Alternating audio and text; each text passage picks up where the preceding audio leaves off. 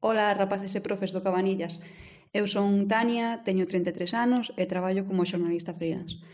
Isto quere dicir que eu non traballo para ningún medio en concreto, senón que teño diferentes clientes aos que vendo os meus traballos e as miñas colaboracións.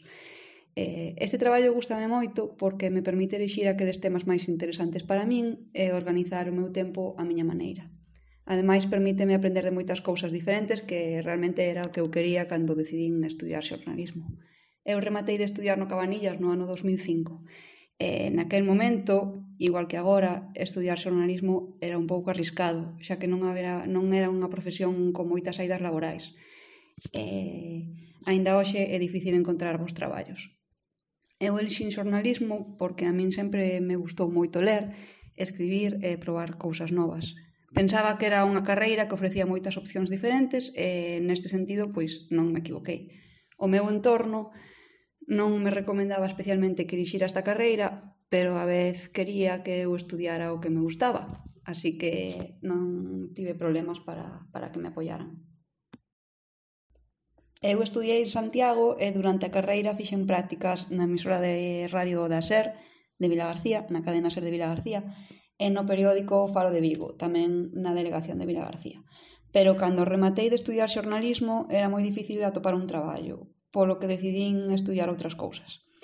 Eh, estudiei Historia da Música en Granada e fixen un Erasmus en Dinamarca.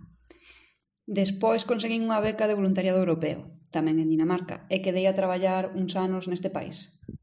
Eh, traballei de moitas cousas realmente, eh, camareira, profesora de español, cuidadora de nenos, gravei documentais, organicei actividades culturais, etc. Eh, Tras case cinco anos en Dinamarca, voltei a España e traballei outros casi tres anos nunha empresa de Barcelona.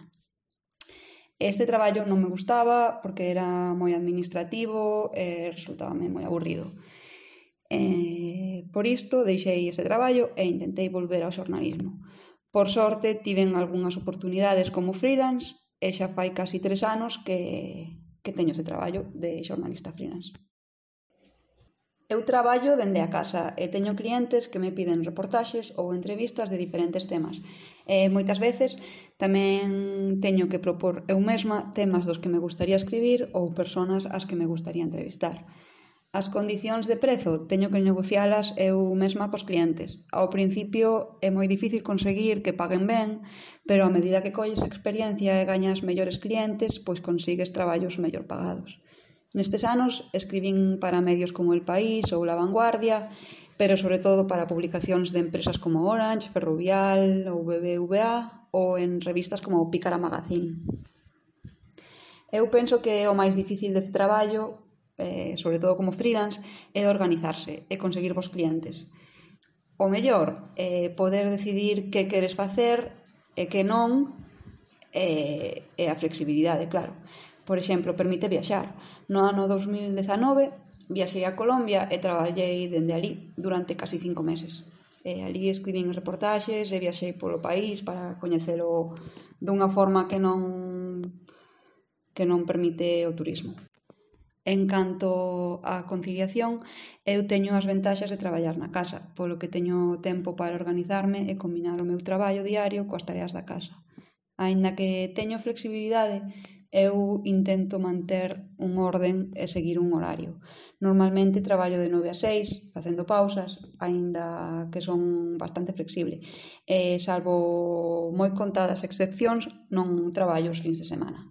Isto permíteme ter tempo libre para dedicar as miñas aficións e tamén a estar coa familia e cos amigos, que é moi importante.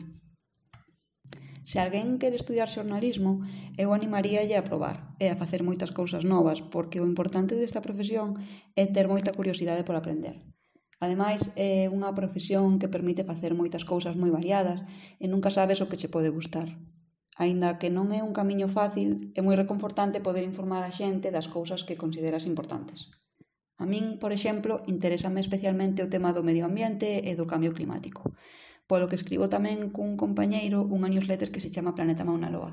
Nesta newsletter resumimos as noticias máis importantes da semana en temas de medio ambiente, para que a xente poda estar ben informada sobre este tema tan importante. Eh, realmente non gañamos cartos con este traballo, pero gustanos moito colaborar coa comunicación deste tema.